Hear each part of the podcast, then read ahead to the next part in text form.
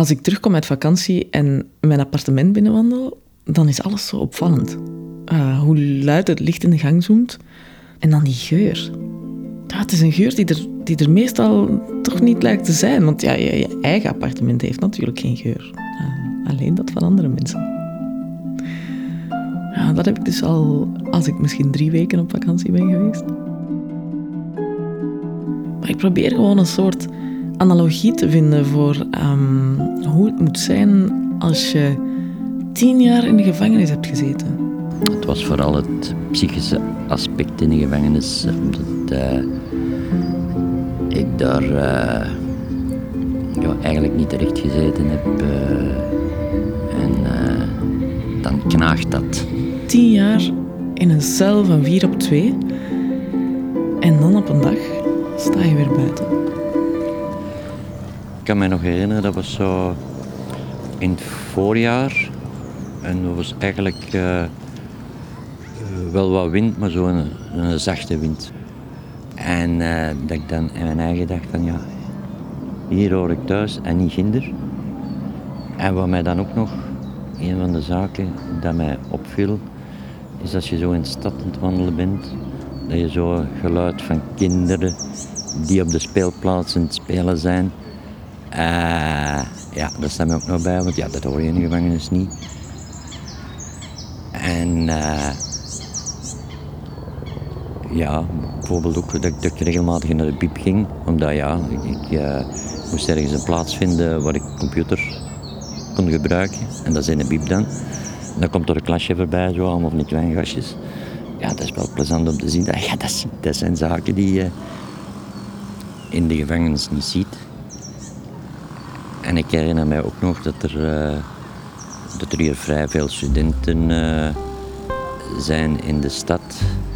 Dat er is in, uh, in een of ander park, dat lag daar allemaal vol vrouwen die waren in het zonnen in de zomer. En ik moest dan s'avonds binnen zijn en dan kom ik s'avonds in de gevangenis. En daar heb je ook een grasplein. Maar dat zijn allemaal mannen. En dus eigenlijk zo, het zou schoon geweest zijn van daar eens een foto van te maken. Aan de ene kant van de muur allemaal mannen. En langs de andere kant allemaal vrouwen. Ik zou wel weten welke kant ik zou kiezen. Ik ben Helena de Groot.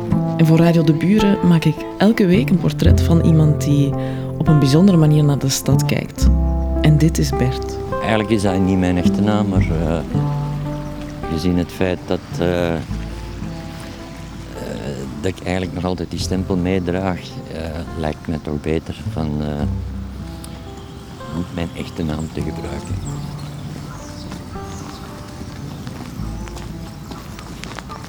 Het is hier heel rustig, hè? Even stress weg.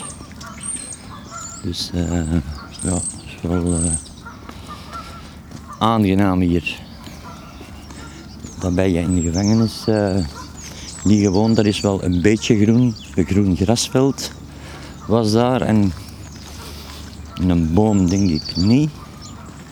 En als je op de bovenste verdieping stond, dan kon je nog zo wat bomen zien, maar uh, ja, eigenlijk uh, daar ben je niet meer gewoon.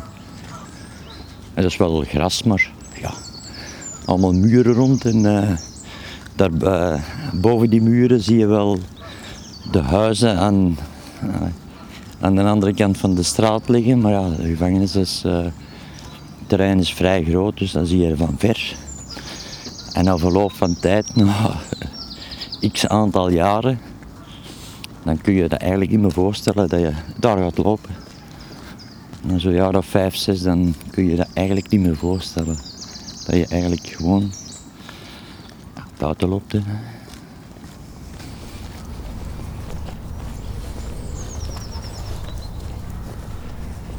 Wat mij opviel, dat kan ik me nog herinneren. Uh, dat is een trein nam. En als je de trein neemt, dan kom je door heel veel natuur. Dat het allemaal groen was. Van, allez, zo ver dat je kon zien, allemaal groen. Dat, ja, dat ruim tien jaar niet gezien en dan ineens allemaal groen, bomen, gras. En ah, dat was eigenlijk heel indrukwekkend. Eh. En nu heb ik dat ook nog wel eens. Ik ben toch al een aantal jaren buiten en uh, afgelopen weekend nog eens gaan fietsen en ja, dan eigenlijk is dat nog ja, een grote ontdekkingstocht. Dat, allee, die episode is nog niet voorbij met alles te ontdekken.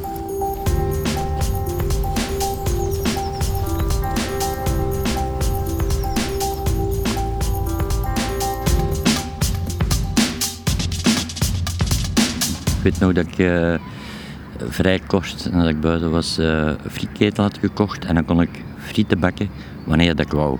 Dat vond ik al een heel... Uh, dat was eigenlijk een feest, want ja, uiteindelijk krijg je in de gevangenis krijg je ook wel frieten, maar ja, die, ja, ja, dat die op je bord liggen, hebben die al een hele weg afgelegd en heb je nooit geen warm frieten. ik kan me nog herinneren dat ik eens ene keer met iemand ging eten en dat we naar een restaurant gingen eten. En die frieten waren echt warm. En dat was zoiets van, tja, de frieten kunnen ook warm zijn. je komt daar binnen en je hebt eigenlijk niks. En je kunt ook niks meebrengen van hetgeen dat je thuis had staan. Dus als je bijvoorbeeld tv wil hebben, moet je een tv kopen.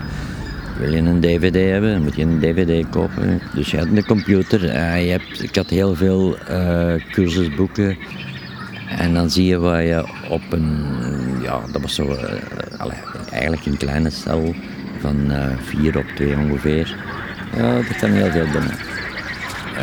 dus ik ben daar met heel veel dozen vertrokken.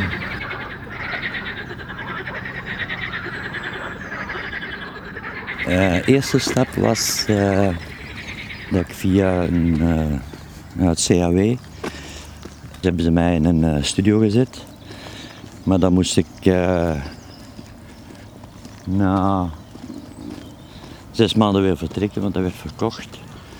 En dan moest ik rap rap iets anders vinden. Het probleem tegenwoordig is dat men uh, bewijzen van inkomsten moet hebben. Dat was ook bij mijn huidige huisbaas zo. Maar uh, ja, ik heb daar een beetje ja, slim gespeeld. Omdat hem vroeg van uh, wat ik als job deed. En ik was dan nog aan het studeren. En ik zei, ja, ik zit in het onderwijs. Hè.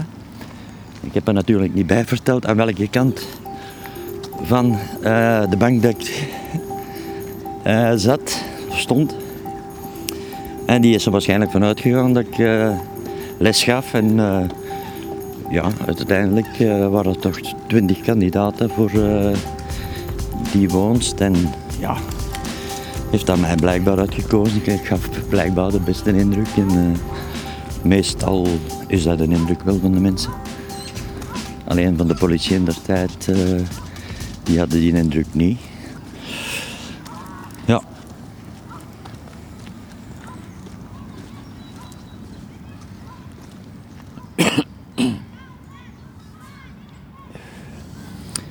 Allereerste keer dat ik naar de supermarkt ging, ik denk dat dat was uh, tijdens de middagpauze uh, op school.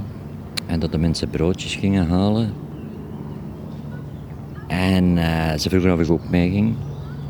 En ik zat toen nog in een gevangenis, dus ik had gewoon een uitgangsvergunning. En die mevrouw, ja, die was met de wagen en die, ja, rij maar mee. En voor mij was dat een belevenis van mee te rijden, één, terug in een gewone wagen. En dan een vrouw die jou vraagt van, ja maar zit, rij maar met mij mee. Dus terwijl dat je in een gevangenis, ja, je, daar, daar werken vrouwen of cipiers.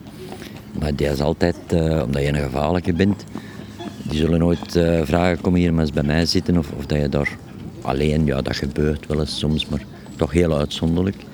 En dus een, gewone vrouw die vraagt, jongen stap maar in mijn wagen en we gaan naar de winkel.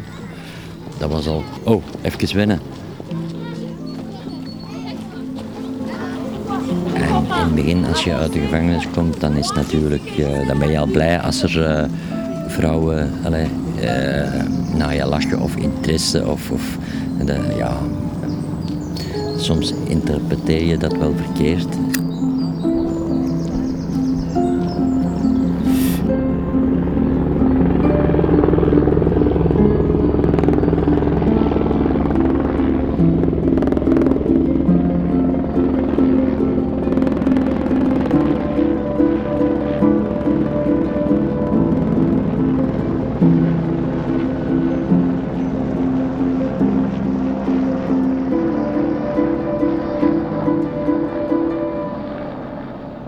Ja, eigenlijk is dat heel moeilijk. Uh, je kunt zeggen van, uh, ik ga dat niet vertellen dat ik in de gevangenis heb gezeten, maar dan komen ze er later toch weer achter.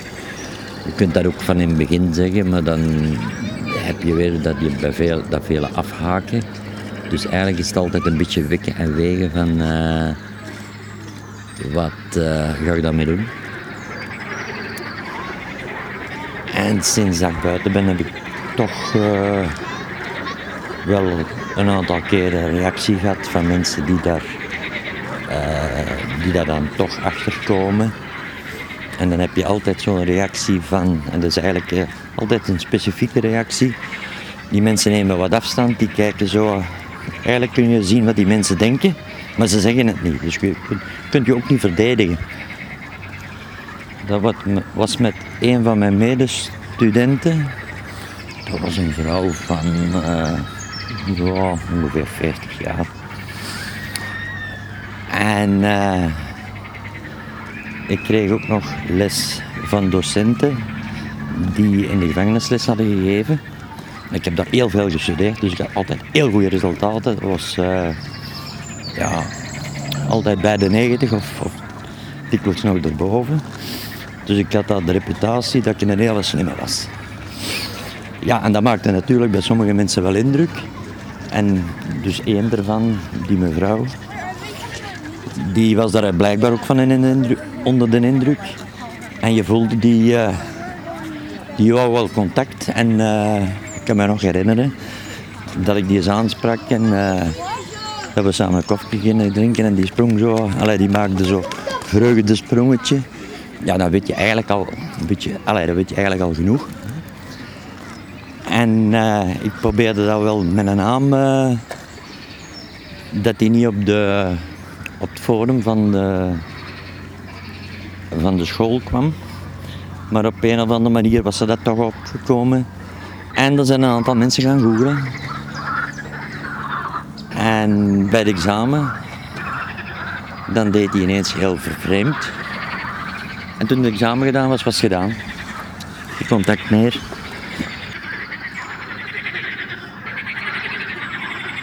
En ja, ik kan die reactie wel begrijpen, maar dan had ik veel liever dat de mensen mij aanspraken. En dan kon ik dat ook uitleggen.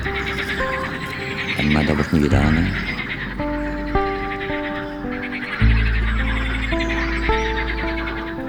Ja, als je lang binnen zit, dan ga je eigenlijk een beetje de wereld idealiseren.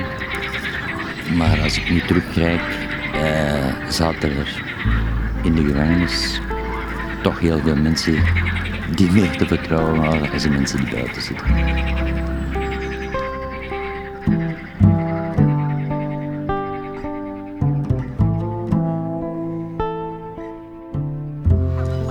In het begin dat je binnen belandt, dan komen er nog wel een aantal mensen af, maar je ziet die na verloop van tijd allemaal druppelsgewijs verdwijnen totdat heel de emmer leeg is.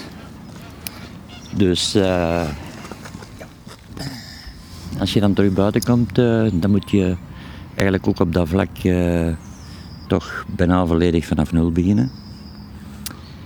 En de mensen met wie je in de gevangenis hebt gezeten, daar mag je geen contact meer mee hebben.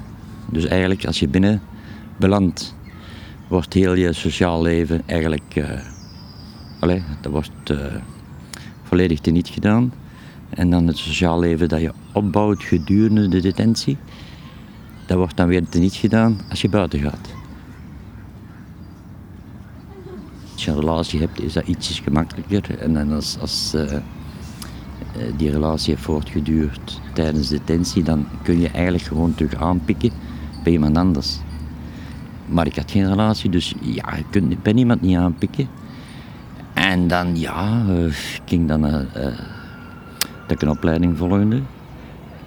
En met medestudenten, ja, dat is eigenlijk in eerste instantie jouw, zijn jouw sociale contacten.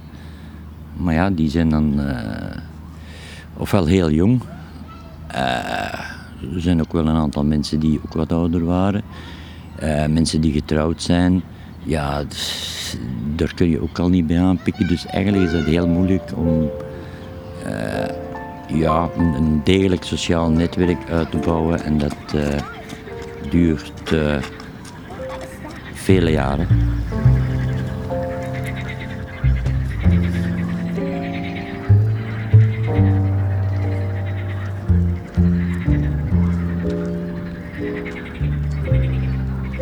Ja, dat is allee, voor mij persoonlijk een van de allee, zwaarste zaken die ik eigenlijk uh, na mijn detentie heb ondervonden. En ik kan me herinneren, de gevangenisdirecteur zei vroeger altijd, uh, de straf die begint pas na je detentie. En nu begrijp ik hem. Dat is inderdaad zo.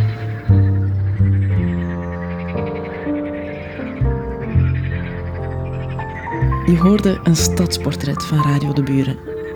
Wil je dit verhaal met iemand delen? Zet het dan gerust op Facebook of um, gooi het op Twitter of stuur het iemand op in een e-mail. En wil je ook eens naar de andere stadsportretten luisteren? Kijk dan eens naar de site van de buren in iTunes of op je mooie Soundcloud-pagina. Volgende week staat er hier weer een nieuw stadsportret klaar. Heel graag tot dan.